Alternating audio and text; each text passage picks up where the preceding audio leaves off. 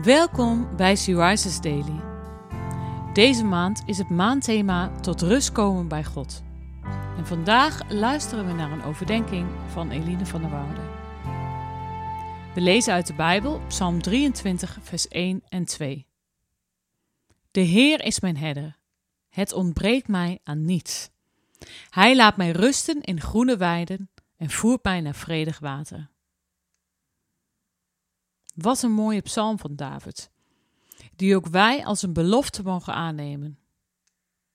God is onze herder en hij wil dat het ons aan niets ontbreekt.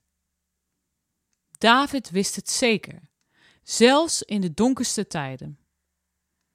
God is erbij en hij zal voorzien. Hoe is dit voor jou? Kan je dit David nazeggen?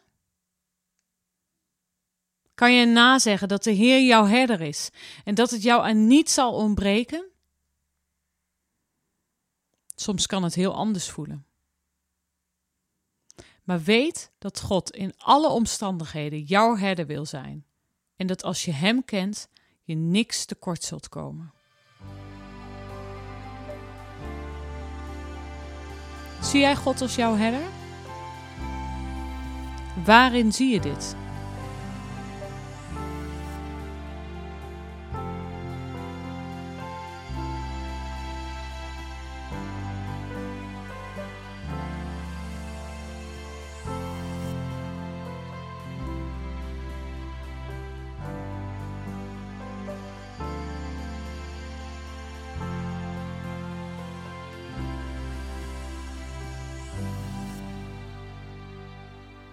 Ik bid dat door welke situatie jij momenteel ook gaat, je mag weten dat Hij jouw herder is en dat Hij zal voorzien in al jouw noden.